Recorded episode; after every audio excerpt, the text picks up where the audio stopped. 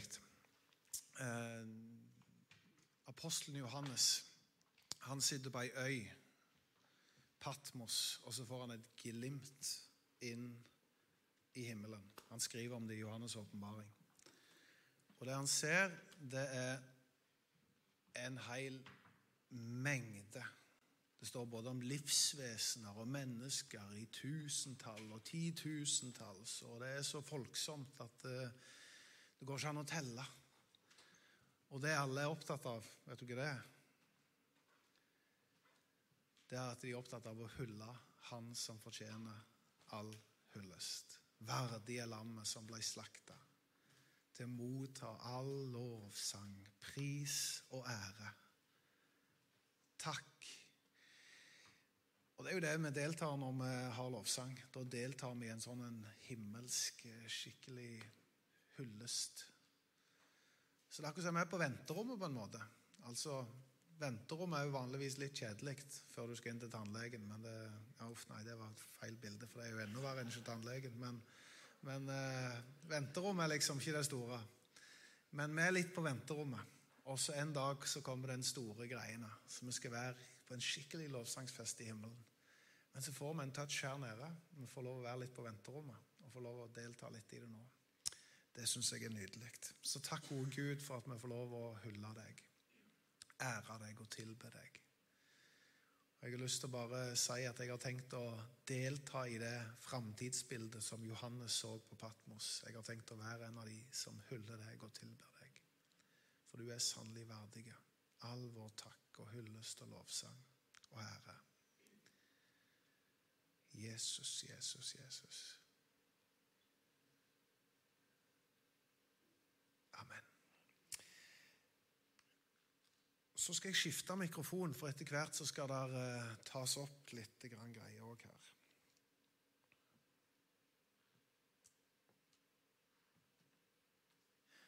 Skal vi se, der var det lyd, ja. Du, Så fint å se dere alle sammen. Nå eh, skal vi ha disse her mandagskveldene våre noen uker til. Og så etter hvert så er planen at eh, vi skal få til noen familiemøter, eller alle generasjonsmøter i slutten av juni. Så det er tanken at vi smått om senn kommer tilbake til normalen.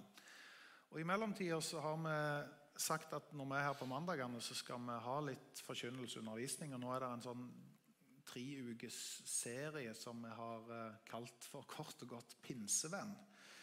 Eh, og dette er jo en pinsemenighet.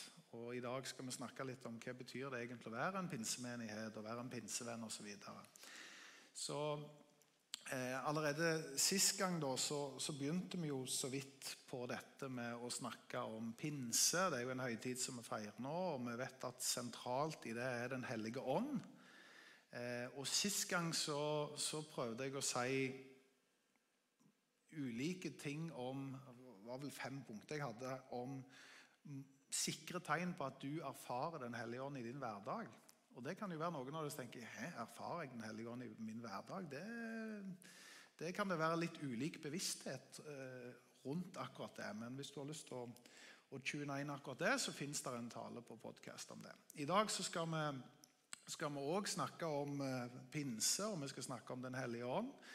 Eh, så Innledningsvis så, så, begynner jeg å bare si kort og godt at når det står dette ordet Den hellige ånd, dette ordet ånd, så er det ordet som står om det, det kan også oversettes med pust eller vind.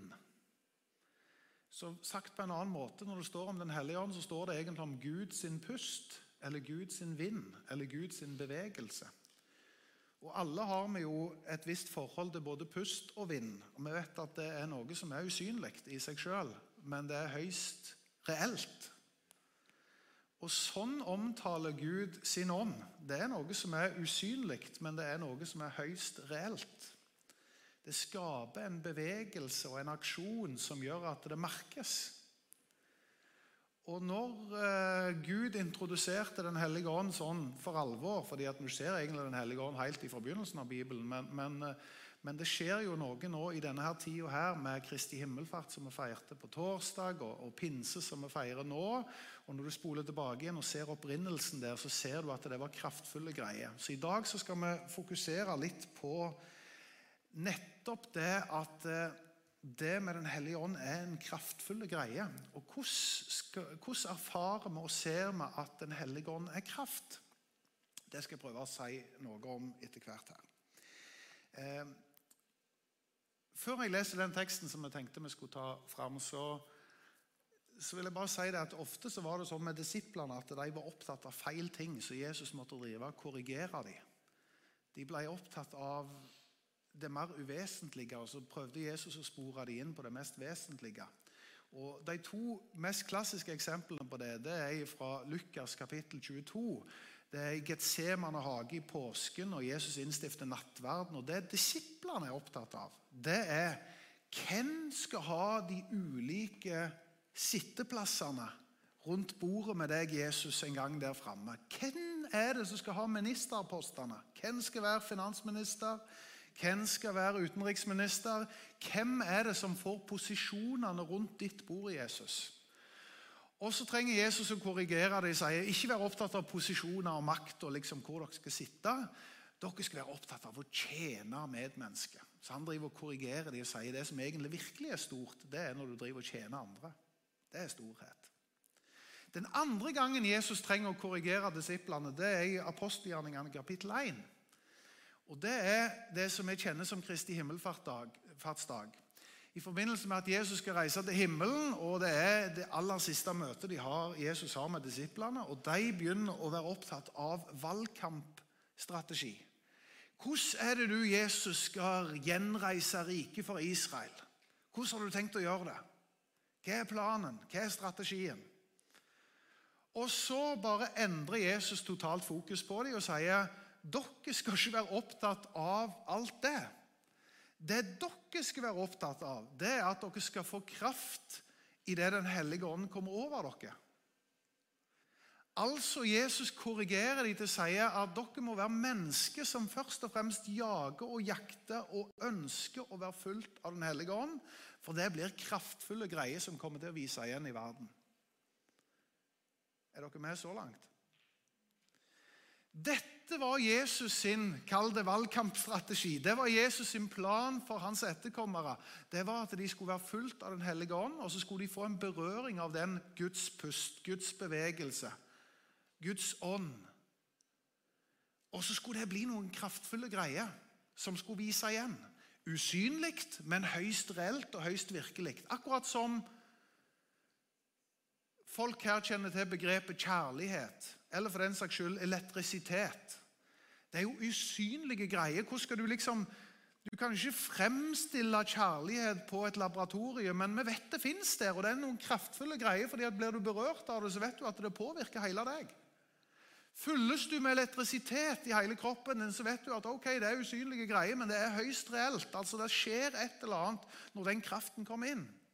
Og Dette var det det står om i, i, i apostelgjerningene. Det var at Når Den hellige ånd kom, så står det at det ble kraftfulle greier.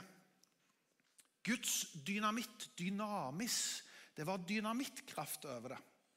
Så nå skal vi se på hvilken måte er Den hellige ånd dynamitt. Hvordan er det kraftfulle greier når vi snakker om Den hellige ånd? Og Da må vi gå til eksperten av de alle. og det er sånn at Pinseeksperten i Bibelen det er Lukas. Lukas, Evangelisten Lukas, som det finnes et eget evangelium, som han har skrevet Lukas evangeliet, han har også skrevet apostelgjerningene, og der står det om Den hellige ånds gjerninger. Det, det heter apostlenes gjerninger, men det kunne like godt hete Den hellige ånds gjerninger. Så nå skal vi se på hvilken måte er dette kraftfulle greier. Og Da tenkte jeg å begynne med å lese en lang tekst, men vi har tid til det i dag. Med ett så kom det et brus ifra himmelen som når det blåser en sterk storm, og det fulgte huset der de satt. Tunger like som av vill kom til syne, og de delte seg og satte seg på hver enkelt av dem. Og Da ble de alle fulgt av Den hellige ånd, og de begynte å tale i andre tungemål ettersom Ånden ga dem å forkynne. I Jerusalem så bodde det fromme jøder fra alle verdens land. En stor mengde samlet seg da de hørte lyden, og de ble helt forvirret, for hver enkelt hørte sitt språk bli talt. Forskrekket og forundret spurte de. Er det galileere, alle disse som taler? Hvordan henger det sammen at enhver av oss hører dem tale vårt eget morsmål? Vi er apartere og medeere, midter, folk fra Mesopotamia, Judea og Kap Kappadokia, fra Pontos i Asia, Frygia og Pamfylia, fra Egypt og Libya-området mot Kyrene. Vi er jøder eller har gått over til jødedommen og har flyttet hit fra, fra Roma, fra Kreta, arabere og vi hører dem alle tale om Guds storverk på vårt eget språk. De visste ikke hva de skulle tro, og forvirret spurte de hverandre hva er dette for noe. Men noen gjorde narr av dem og sa de har drukket søt vin, og de er fulle. Da trådte Peter fram, talte sammen med de elleve, tok til orde og talte til dem. Jødiske menn og alle dere som, nå, som bor i Jerusalem. La meg kunngjøre for dere det som nå skjer. Hør nå på det jeg sier. Disse mennene er ikke fulle som dere tror. Det er bare den tredje timen på dagen. Men det skjer det som profeten Joel talte om. I disse dager skal det skje, sier Gud. Jeg vil utøse min ånd over alle mennesker. Sønner og døtre hos dere skal tale profetiske ord. De unge menn skal ha syner, og de gamle blant dere skal ha drømmer. Selv over mine treller og trellkvinner, slaver altså, så vil jeg utøse av min ånd, og de skal tale profetisk. Og jeg lar gjærtegn vise seg oppe på himmelen og tegn nede på jorden. Blod, ild og røykskyer. Solen skal forvandles til mørke, og månen som, blir som blod før Herrens dag kommer, den store og strålende. Og hver den som påkaller Herrens navn, skal bli frelst. Her var det egentlig kraftfulle greier. Og Nå skal jeg prøve å dra dette ned på en så forståelig måte at vi skjønner og ser det at dette var kraftfulle greier som vi er en del av i dag. La meg begynne med det første. Fordi at Ofte er det sånn at når jeg leser den teksten, eller kanskje til og med taler den teksten, eller spoler tilbake igjen første gangen jeg fikk en aha-opplevelse om den teksten, så fokuserte jeg ganske mye på at de ble fulgt med Den hellige ånd, og de talte i tunger. Det er ofte det som jeg har tenkt mest på. Og det skal vi komme til, for det er en del av teksten. Men det som slår meg, som det egentlig står mest om, det er det som er mitt punkt nummer én. Jeg har tre punkter det er at den kraftfulle greien som skjer her, det er at det går ifra isolasjon til misjon. For hva var det som var tilfellet når, eh, når dette skjedde? Jo, det var jo det at eh, disse menneskene, disiplene som hadde satsa livet sitt på Jesus, de gikk jo og gjemte seg. De var livredde. De tålte ikke å komme ut blant folk, for de visste det kunne stå om livet. Det vil si at de isolerte seg. Og så skjer det at pinsedag kommer. Og så plutselig så er det akkurat som om misjon springer ut av isolasjon. Altså De går fra totalt isolasjon til plutselig begynner de å fortelle om Guds storverk. Og det begynner de å fortelle om på masse forskjellige språk. Til masse forskjellige folkeslag. Fordi at Datidens Jerusalem var ikke så ulikt dagens London, om du vil. Hva er det som skjer, eller hva er det som er tilfellet i London? Jo, Reiser du til London, så finner du absolutt alt. En smeltedigel av alt av nasjonaliteter og av språk. Det fins på ett lite geografisk område. I datidens verden så var det sånn at Jerusalem var et sånn et sted. For vi leste jo teksten herrene. Vet ikke om du så det. De var parter av Medea, de var fra Pamfylia og fra Frygia, og de var fra Roma og Kreta, og de var fra overalt. Og hva var det de hørte? De hørte Guds storverk forkynt på deres eget språk. Og Når du leser bibelkommentarene på dette, så sies det at det var 17 forskjellige språk som ble Evangeliet ble meddelt på 17 forskjellige språk til absolutt alt av folkeslag som var til stede i Jerusalem på den tida der. Og da skjønner du at noe går ifra noe som var veldig smått, oppe på en liten sånn bortgjemt krok i et rom der de isolerte seg og var en ti-tolv mennesker, til at de begynte å fortelle om Guds store gjerning til alle slags folkeslag. På alle slags språk. Er ikke det fascinerende? Der og da fødes misjon. Der og da fødes det en kirke som blir globale. Aha. Og Det vil jeg kalle ganske kraftfulle saker. Når vi vet at i dag så er det kjent land i verden som ikke har ei kirke. De fins i litt ulike størrelser. Nå fins det noen folkeslag som ennå ikke har evangeliet på sitt språk. og blant annet Oddmund som sitter her, driver og jobber med bibeloversettelse, så alle skal få det. Men greiene var at der får du et lite bilde av det som også er framtida. Det at dette evangeliet skal ikke holdes inne i en liten gruppe.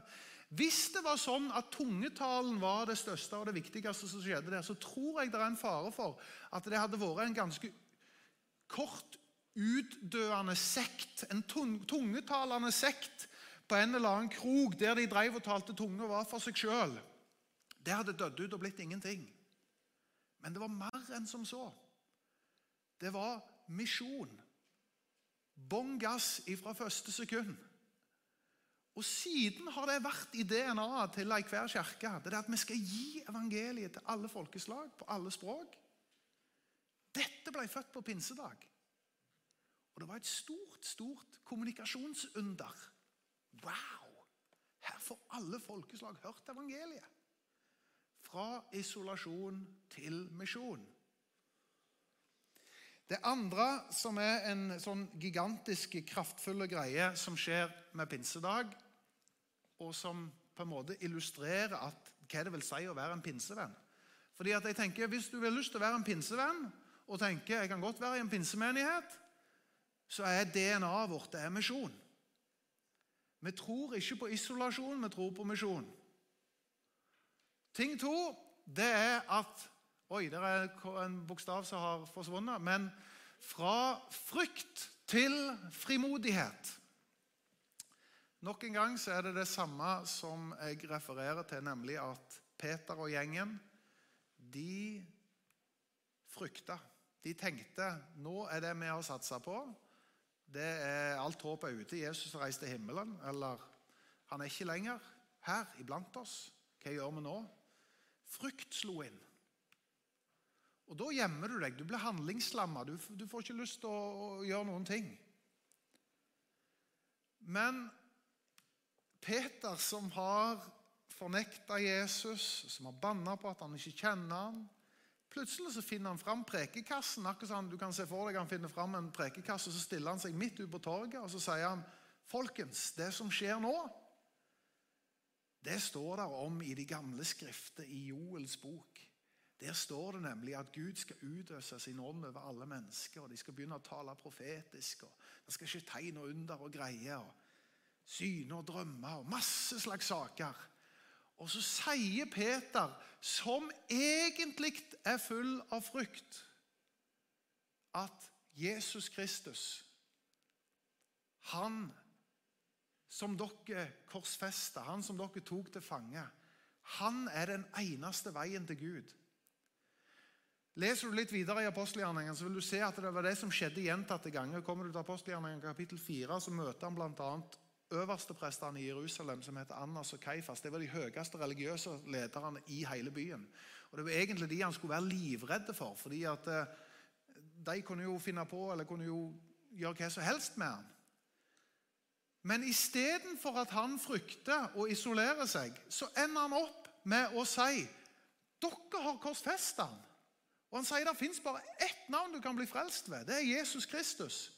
Hva er det som skjer når noen går ifra at de er livredde, reddtarer, til at de tør å bli martyrer? Da tenker jeg, da har det skjedd noe kraftfullt. Dere skal få kraft. Dere skal få dynamittkraft i det Den hellige ånd kommer over dere. Altså når Peter og gjengen går ifra å være reddtarer som gjemmer seg og som frykter, til å bli frimodige vitner om Jesus Kristus, så er det ganske sprengkraft. Er dere ikke enige i det? Det betyr at det å være en pinsemenighet det å være en pinsevenn, det er at du egentlig sier 'jeg tror på misjon'. Fordi at evangeliet det er globale greier. Det skal nå til alle folkeslag og alle språk. Og så tror vi på frimodig kristendom. Og så er det sikkert noen her som kjenner ja, men jeg er ikke så veldig frimodig. Og det er helt greit, fordi vi, er litt ulike både som mennesketyper. Vi skal gjøre ting på forskjellige måter. og Alle skal ikke være like. Det betyr ikke at vi er Peter hele gjengen. Det var bare Peter som var Peter der i bibelteksten òg. Det var mange andre som ikke står om, som oppførte seg på en annen måte. Men vi tror på en type kristendom som ikke skal gjemmes vekk. Som vi ikke trenger å skamme oss over, som vi ikke trenger å si at den står seg ikke, eller vi frykter for hva folk vil si. Vi står for det vi tror på. Og det er pinsekristendom. Det er å stå for det du tror på. Så nå har jeg gjennom disse to punktene sagt at kirka er global. Eller pinsedag og, og, og, og, pinsevenn og pinsemenighet det gjør at vi tenker at vi vil være ei global kirke. Og det andre er at vi vil være ei frimodig kirke.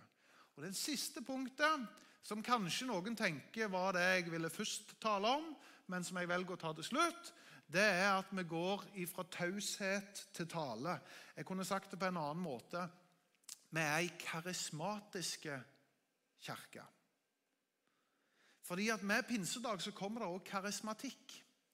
Og Karismatikk det kan vi forstå litt ulikt, men karisma det betyr egentlig kort og godt altså på jeg tror det er gresk, ja, Kanskje gresk, men jeg tror det er, det er karis, karisma. Eh, det er gaver.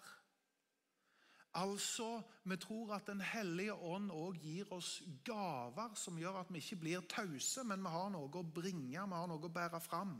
Vi vil uttrykke troen vår. Sant? Så jeg syns jo det er gøy med bursdagsgaver, og så syns jeg det er fint med julegaver. Og så er jeg enda mer begeistra for pinsegaver.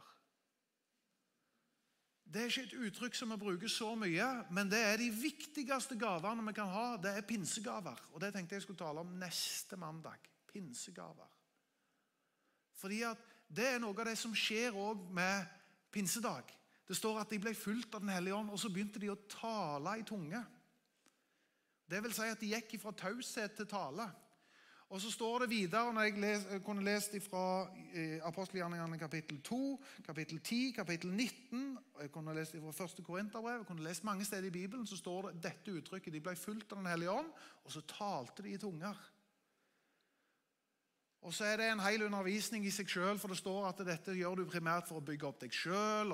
Du skal ha orden i det når det gjøres i en menighet. Du skal liksom ikke bare drive og tale ut det fordi at det er fremmede folk som kommer til å synes at det er forvirrende. Så du skal liksom forklare det, og det skal være en tydning. og Det er en hel lære om dette med tungetale. Men mer enn tungetale så var det en hel sånn spekter av gaver som kom til syne. Folk profeterte. og det var tegn og under og mirakler, og det var tungetall, og det var en del ting som var litt sånn Hva er dette for noe? Jo, dette er karisma. Dette er gaver. Dette er åndsgaver. Det betyr at det å være en pinsevenn, å være en pinsemenighet, det å være en karismatisk kirke. Betyr det at du, For da tenker noen klassisk at jeg, ja, det er de veldig karismatiske, de som løfter hendene høyest og bøyer knærne dypest og roper mest og, og, og, faller lettest, eller et eller annet. Jeg vet ikke hva du tenker. Det er karisma. Nei, karisma er at vi tror at Den hellige ånd deler ut gaver. Gir oss liv. Er dere med, eller? Ja. Derfor så syns jeg det er skummelt å si at vi tror på at Gud skal utgyte sin ånd. For åndsutgytelse er noe fantastisk fint. Som starta der når vi leste om de apostelgjerningene to, og som har fortsatt. Og Nå tenkte jeg jeg skulle faktisk ta avslutningen på talen min eh, med å dra oss gjennom noen sånne historiske begivenheter. Fordi at jeg har annonsert at jeg skulle si noe om det å være pinsevenn og pinsemenighet. Og da har jeg lyst til at dere skal også, eh, se litt sånn historiske sammenhenger. Den første du ser her, det er en kar som eh, heter Charles Parham. Dette er for av og til å kjenne litt sin kalde historie. Hvor kommer vi fra? Vi vet jo at vi kommer fra Gud og Adam og Eva og liksom Jesus og, og alt det der. Men nå spoler vi litt lenger fram, og så sier vi hvor ble det til dette at det finnes noe som heter pinsemenigheter og pinsebevegelse? Hvorfor er det noen som kaller seg pinsevenner osv.? Jo, da må du fram til en kar som heter Charles Parham. Han var såkalt metodist. Metodist er jo en sånn bevegelse som finnes mange metodistkirker i Norge, og i Sandnes. Eh, og Metodistene de hadde litt sånn, sånn det var sånn oppblomstring rundt 1800-tallet. Så det er et par hundre år siden. Da var det sånn metodistbevegelse. Og Det som skjedde, kort fortalt, det var det at eh, Spoler enda lenger tilbake, 1500-tallet, så dere har hørt om Martin Luther, alle her. Og Martin Luther han var en av de tingene han fronta veldig, det var rettferdiggjørelse ved tro. Altså Tror du på Jesus, så er det nok til å bli rettferdig for Gud. Det er ikke gjerninger, men det er troen som er det som er grunnlaget. Og Han kjempet for det, og det er en sånn bibelske sannhet som jeg er veldig glad for at han kjempet for. Og så kom disse herrene, eh, metodistene, og de var en såkalt hellighetsbevegelse. Det betyr at de ikke bare vektla det som handler om rettferdiggjørelse ved tro, men de hadde òg en dimensjon som heter hellighet. Det vil si, vi vil ha ærefrykt for Gud. Vi har lyst til å komme tett og nært på Gud. Og Det var innstillingen. Det var liksom at De ble dratt mot det at de ville leve inderlig og nært og i ærefrykt for Gud. Og I denne her hellighetsbevegelsen så var det masse sånne store navn som f.eks. Eh, D.L. Moody, John Wesley, Charles Finney Svære sånne evangelistnavn som samla inn tusentalls av mennesker som valgte å følge Jesus. Og så ble det en sånn skikkelig bevegelse. Det ble sånn enormt med mennesker som responderte på det budskapet. Og Ut ifra dette så kommer det en kar som heter Charles Parham. Og han erfarer å bli det vi kaller døpt i Den hellige ånd. Og det som skjedde var at Han begynte å tale i tunge. og På den tida der så var det veldig fremmed, selv om du leser om det i Bibelen. For vi leste du om det i Apostelgjerningene 2, blant annet, og flere ganger i Det nye testamentet så står det om dette. Men så er det akkurat som det vært hundrevis av år dette det nesten ikke vært noen som har verken snakket om det eller praktisert det. Men bare de aller første året, liksom, de første hundre årene etter, etter, Jesus Kristus og, og Den hellige ånds utgytelse og sånne ting. Men så er det mange år der dette er ganske taust. Men så er det han her Charles Parham i USA som blir fulgt av Den hellige ånd. Og så står det at han taler i tunge. Og Han var en kar som òg ble rektor på en bibelskole. Og På denne bibelskolen på den tida der for Dette er i 1901, så nå har vi kommet forbi 1800-tallet som gått inn i 1901. Og dette skjer med unge Charles Perrin. Han var 15 år gammel da han ble en evangelist. Han var en sånn ivrig type allerede som ung, ung kar. Og så får han bl.a. på bibelskolen sin en kar som heter William Seymour. Og han var en enøyd afroamerikaner, sort mann og Bare det at han var sort og afroamerikaner, gjorde at han egentlig ikke hadde inngang. fordi at I den tida var det jo raseskille, og det var liksom ikke alle som hadde tilgang til det gode selskap. Så selv i kirkene så drev de og skilte på folk. Så han fikk ikke lov å sitte i bibelskolesalen. Han måtte sitte på gangen og høre undervisningen. Så han fikk en sånn dispensasjon til å sitte på gangen til å høre undervisningen. Og Han ble berørt av det samme. og Han ble òg en sånn metodistprest, for det var det de drev og utdanna. Metodistforkynnere. Så han som unge metodistprest reiste til Los Angeles, og så fikk han lov å bli prest i ei kirke der. Og det varte i fem dager. Så ble han kasta ut av sin egen kirke. Og sier her får ikke du lov å være. Fordi han forkynte om den hellige ånds gjerning og dåp og åndsgaver og tungetale. Og det ble litt for mye for litt for mange. Så han, sier, så han ble på en måte satt på gata og sier det er derfor du har for deg sjøl. Han ble for øvrig bedt for av ei dame som heter Agnes. Og Ei dame som heter Agnes, som la hendene sine på han, Så ble han fulgt med Den hellige ånd, så talte han i tunge. Og det var altså ei dame som ber for, og en sort mann som opplever altså Det var mange ting som skurra her han er i den vanlige oppfatningen.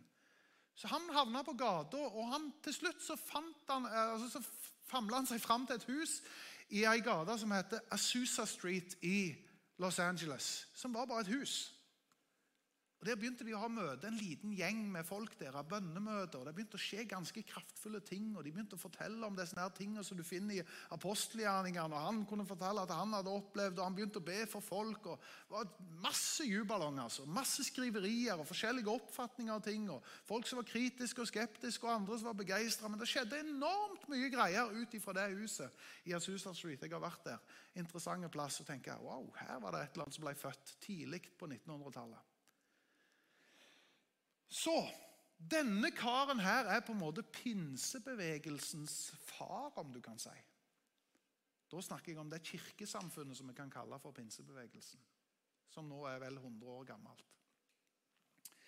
Og så er det sånn at det kommer en tredje kar. Det er den siste karen jeg skal vise til. Han heter Thomas Baal Barrat. Han var nordmann og hadde reist fra Kristiania, Oslo, til New York og han hadde reist der mest fordi at han skulle samle inn penger til et godt formål. Det var et slags fattighus eller noe sånt han skulle samle inn penger til. Det ble en fadese. Han klarte ikke å samle inn penger. Amerikanerne var rike, tenkte han skulle over der og, og selge inn det han hadde tenkt. Og, og, han fikk ikke penger til det han skulle.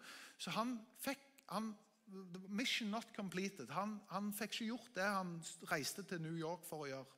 Han hadde lyst til å reise videre til Los Angeles, for han begynte å høre om disse tingene som skjedde. Det begynte å gå rykter om ting som skjedde i Los Angeles, og dette som begynte å bre seg rundt forbi i USA. Han hadde ikke penger til å dra dit, så han ble værende i New York. Men han ender opp med å komme inn i et miljø der han òg blir bedt for. Og han erfarer Den hellige ånds fylde. Han begynner å tale i tunge veldig sånn motvillig, for han var veldig opptatt av at dette skulle være ekte genuint. Så han stritta imot ganske lenge. og tenkte dette er, Men allikevel så var han fascinert og syntes dette var Han, han, han var en veldig begava kar. En sånn skikkelig skarp musiker. og En av de beste musikere Norge hadde på den tida. Han kunne åtte eh, språk flytende. Han var en begava mann.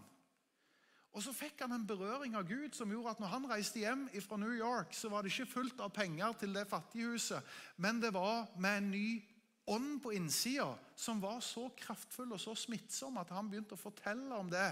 Og Det er jo litt fascinerende at pinsebevegelsen har sin start Altså Den europeiske starten den er i Norge med Thomas Baal Barrat. Han er på en måte den som tok pinse karismatikk, kristendom, til Europa. Og blir liksom en slags Nord-Europas apostel for dette. Og Oslo og Norge blir liksom det første stedet. Etter hvert òg Sverige. Og Nå kommer jeg til noe av grunnen til at jeg sier dette. Fordi at eh, dette som er fascinerende, syns jeg, da, det er at eh, Det skjer en eksplosjon i Amerika. Det skjer en eksplosjon i Norge. Det er massevis av mennesker som blir berørt. Men allikevel er det ikke sånn at liksom dette, kall det denne typen kristendom kan du si, blir den dominerende i verden. Fortsatt så er det sånn at de tradisjonelle kirkesamfunnene er de virkelig store. Og det, liksom, det, blir sett på som noe som er litt annerledes, fordi det er ikke så mange andre som vektlegger de samme tingene.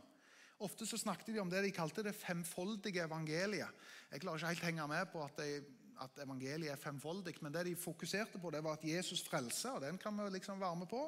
Så var det at Jesus helbreder. Det var det ikke alle som snakket om, men det snakket de om. Så var det at Jesus han helliggjør, altså at du, du skal også søke å bli mer lik Jesus og, og leve nær til han.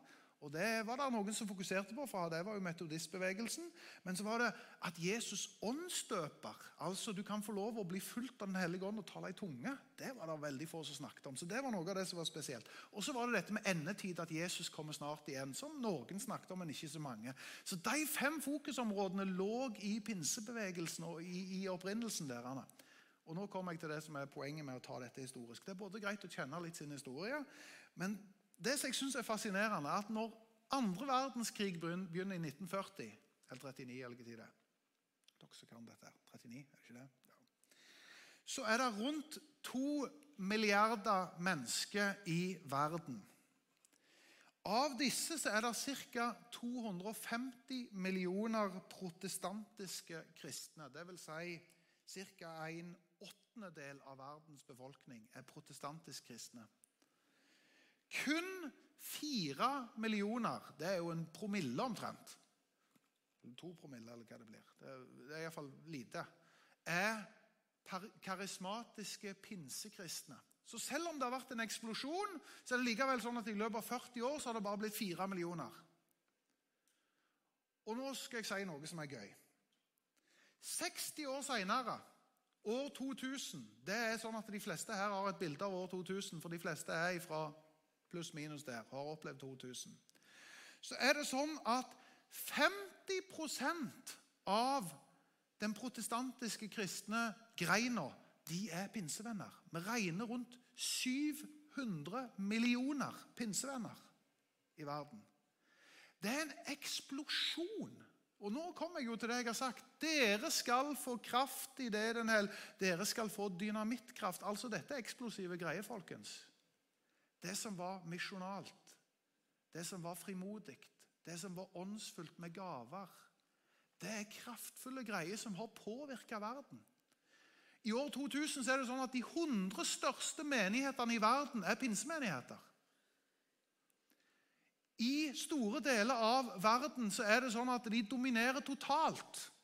Afrikanske land, store deler av Asia, eh, Mellom-Amerika, Sør-Amerika.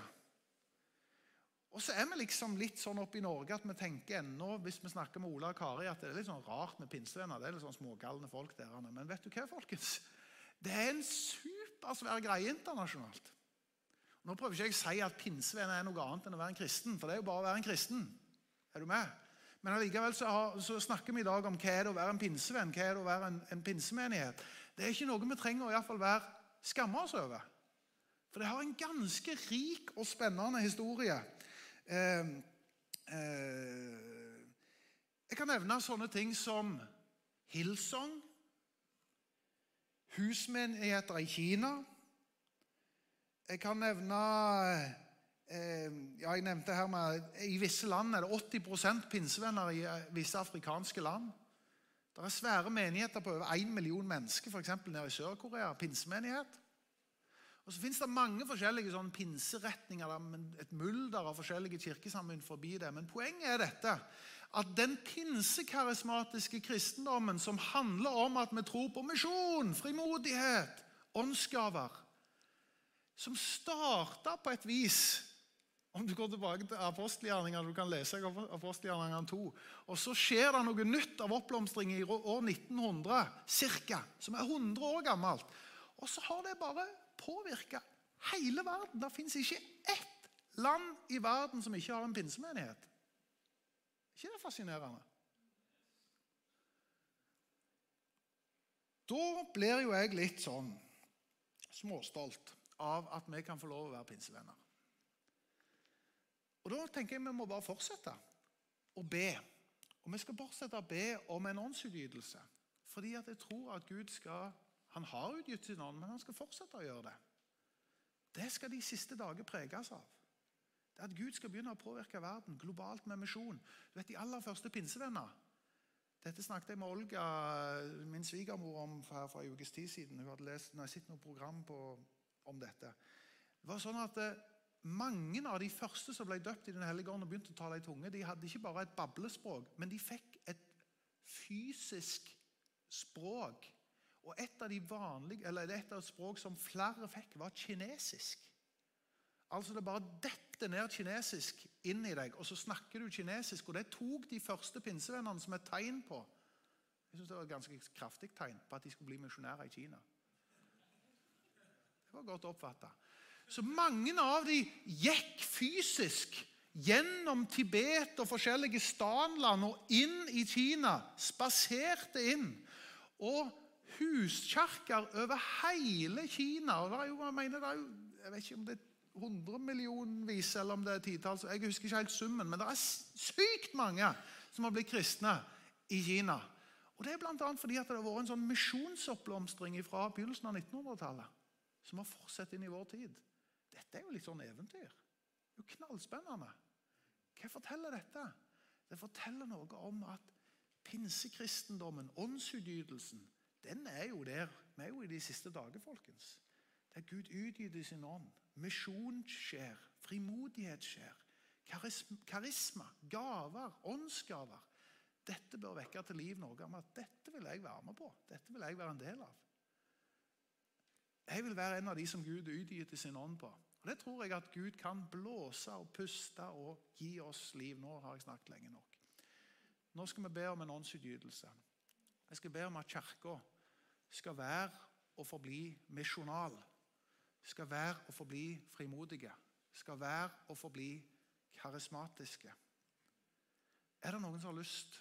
Skal vi reise oss opp i sammen i avslutningen?